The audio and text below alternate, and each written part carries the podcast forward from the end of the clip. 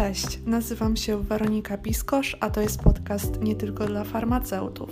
Dzisiaj będę rozmawiać z Moniką Miturą i Dominiką Kwiatkowską.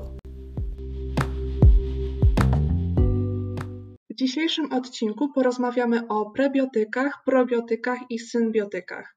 Prebiotyki to pokarm dla probiotyków, z kolei probiotyki nazywamy żywe drobnoustroje, które podawane w odpowiedniej ilości wywierają korzystny wpływ na zdrowie gospodarza.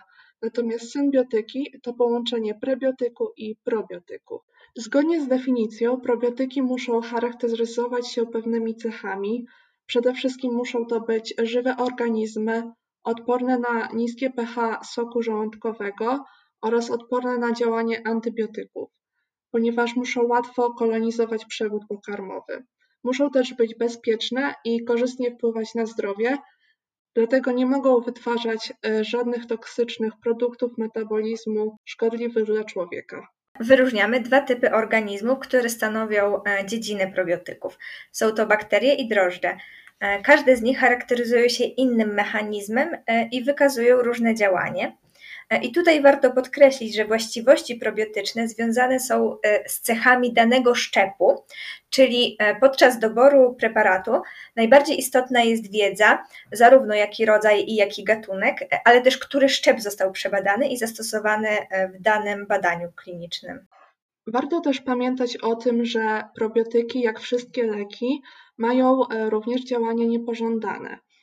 E, natomiast jeżeli probiotyk jest używany w odpowiedni sposób, to te działania nie są aż tak częste e, i te efekty zależą głównie od szczepu i rodzaju preparatu, w jakim są podawane.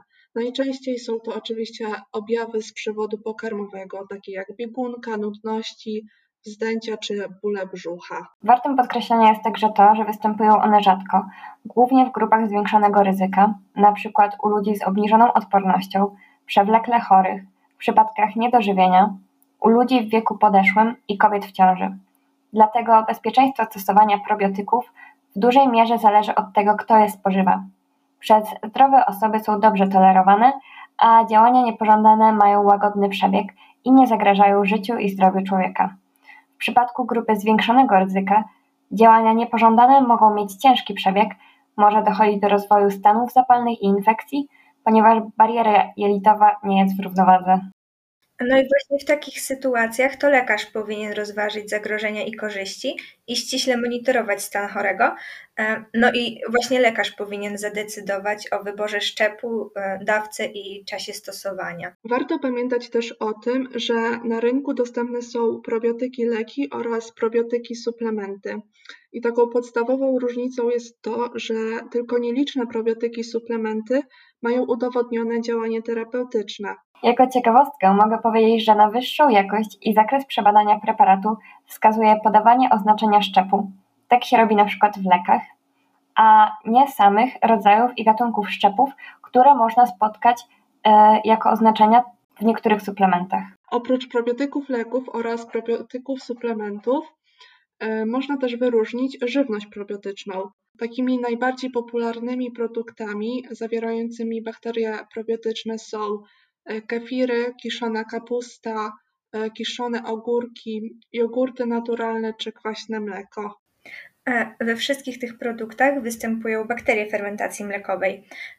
No i są one wykorzystywane w procesie produkcji tej żywności i są uznawane za bezpieczne, E, ale przy rozpatrywaniu potencjalnych terapeutycznych produktów e, fermentowanych z udziałem mikroflory jelitowej, e, trzeba pamiętać, że nie liczy się tylko to, co dostarczamy, tylko też ilość żywych i aktywnych komórek w chwili spożycia. Warto wspomnieć, że w przypadku żywności probiotycznej nie jesteśmy w stanie określić składu prebiotyków, ich ilości oraz bezpieczeństwa. Poza tym nie jesteśmy w stanie dostarczyć odpowiednio dużej dawki probiotyków wraz z żywnością. W związku z tym w celu terapeutycznym należy przyjmować probiotyki medyczne, które, które mają pewny skład i udowodnione działania. Jednym z największych problemów w zachowaniu równowagi mikrobioty jelitowej jest nadmierne stosowanie antybiotyków, co prowadzi do wyjałowienia śluzówki. Dlatego probiotyki najczęściej stosuje się jako leki osłonowe właśnie przy terapii antybiotykowej. Mm, probiotyki bardzo często stosowane są również w biegunkach u dzieci, e, poantybiotykowych e, czy w biegunkach podróżnych. Należy pamiętać, że efekt obserwuje się przy wysokich dawkach. E, obecnie prowadzone są badania, które pokazują, że skład mikroflory jelitowej może odpowiadać za nadwagę i otyłość. E, w tym kierunku prowadzone są badania odnośnie mm, pozytywnego wpływu prebiotyków, ponieważ e, spożywanie większej ilości błonnika e, w znaczący sposób powoduje wzrost uczucia sytości oraz zmniejszenie uczucia głodu. Powszechnie wiadomo także, że błonnik jest ważny dla prawidłowego wypróżniania. Stosowanie prebiotyków ułatwia także wypróżnianie i skraca czas przejścia stolca przez przewód pokarmowy co może pomóc w zapobieganiu lub łagodzeniu zaparć. E, badany jest również wpływ probiotyków na rozwój alergii i udowodniono, że przyjmowanie probiotyków przez matkę, gdy karmi piersią, e, bądź przez dziecko, gdy jest karmione sztucznie, to zapobiega rozwojowi atopowego zapalenia skóry mm, u dzieci, które są obciążone dużym ryzykiem. U ponad 90% dzieci do 12 miesiąca życia z alergią na białka mleka, którym podawano probiotyk w połączeniu z dietą eliminacyjną, zaobserwowano zmniejszenie wyprysku alergicznego. Natomiast e, sama dieta eliminacyjna przyniosła poprawę tylko u 50% dzieci. Wiele badań e, prowadzi się w kierunku e, stosowania prebiotyków e, i probiotyków w leczeniu trądziku pospolitego oraz atopowego zapalenia skóry, czyli AZS. Wielu naukowców twierdzi, że poprawa mikroflory jelitowej może wpłynąć na poprawę skóry i stanów zapalnych na twarzy. E, jednak nie tylko doustne probiotyki mogą powodować poprawę stanu cery, ale obecnie prowadzi się badania nad tym, aby stosować probiotyki także miejscowo, ponieważ niektóre bakterie mogą powodować fermentację glicerolu, która jest naturalną obroną skóry przed e, bakteriami powodującymi właśnie stany zapalne, wywołującymi trądzik.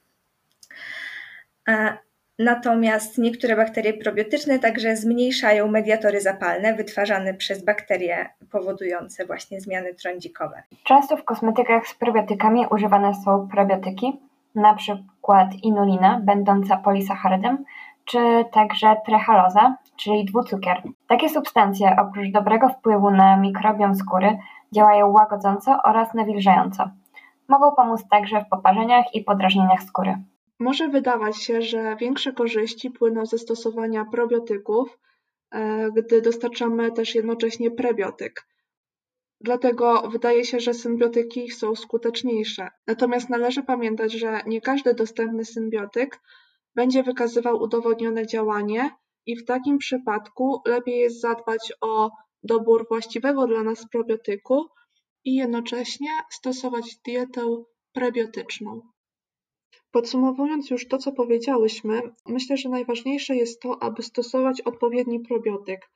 E, warto pamiętać też o tym, że stosowanie za dużo organizmów probiotycznych naraz może przyczynić się do pogorszenia naszego stanu zdrowia.